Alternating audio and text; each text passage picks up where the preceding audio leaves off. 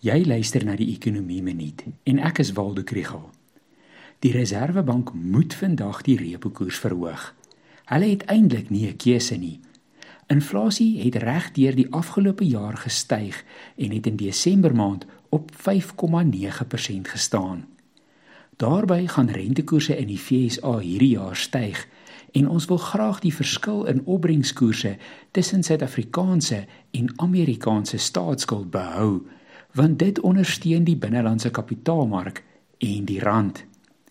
Dit is so dat inflasie nie gedryf word deur hoë vlakke van verbruiksbesteding of 'n stram arbeidsmark nie.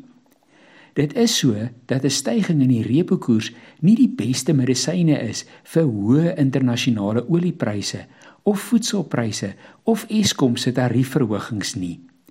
Maar die Reserwebank se mandaat is om inflasie binne die teikenband te hou.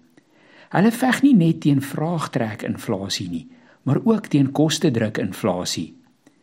Dit is so dat verbruikers die pyn van die repo koersverhoging gaan moet vat en dat ekonomiese groei dalk nog 'n bietjie verder gedemp gaan word. Maar hulle moet nou optree om die geloofwaardigheid van hulle beleid vir die toekoms te verseker. As ons nie glo dat die Reserwebank is ernstig daaroor om inflasie laag en stabiel te hou nie, in watter ekonomiese beleid kan ons dan nog glo?